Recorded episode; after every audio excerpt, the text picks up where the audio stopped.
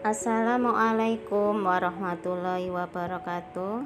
Bapak Ibu peserta di kelas 7 AGSI Di sini saya Bu Yeni Hanani dari SMA Negeri Satu Gondang Mojokerto akan membacakan kata-kata bijak dari Ali bin Abi Thalib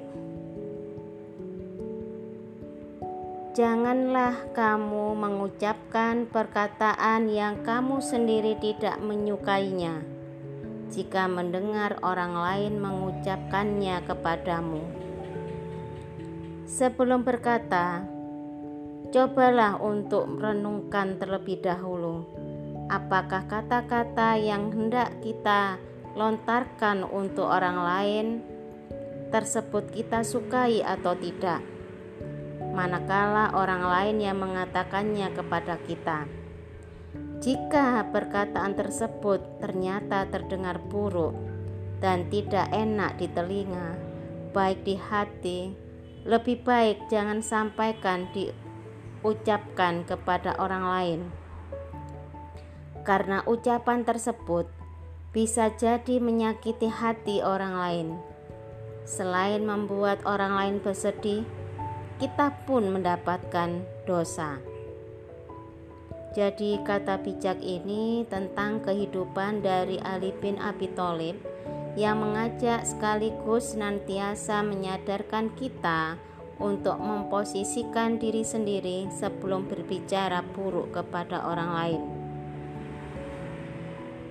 Apabila sesuatu hal yang kau senangi ternyata tidak terjadi, maka senangilah apa yang terjadi padamu. Dalam hidup, tidak semua hal yang kita inginkan semuanya tercapai. Sebagai orang Islam, kita perlu meyakini bahwa apa yang terjadi pada diri kita itu pasti yang terbaik dari Allah.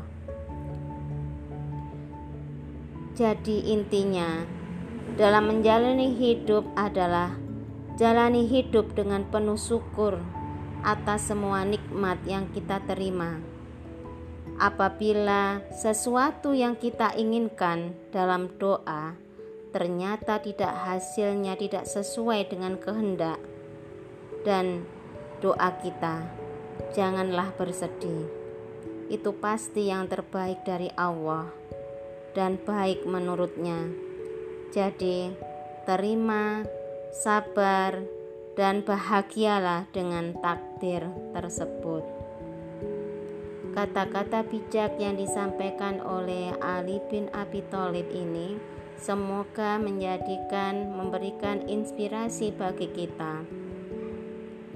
Sahiri Wassalamualaikum warahmatullahi wabarakatuh.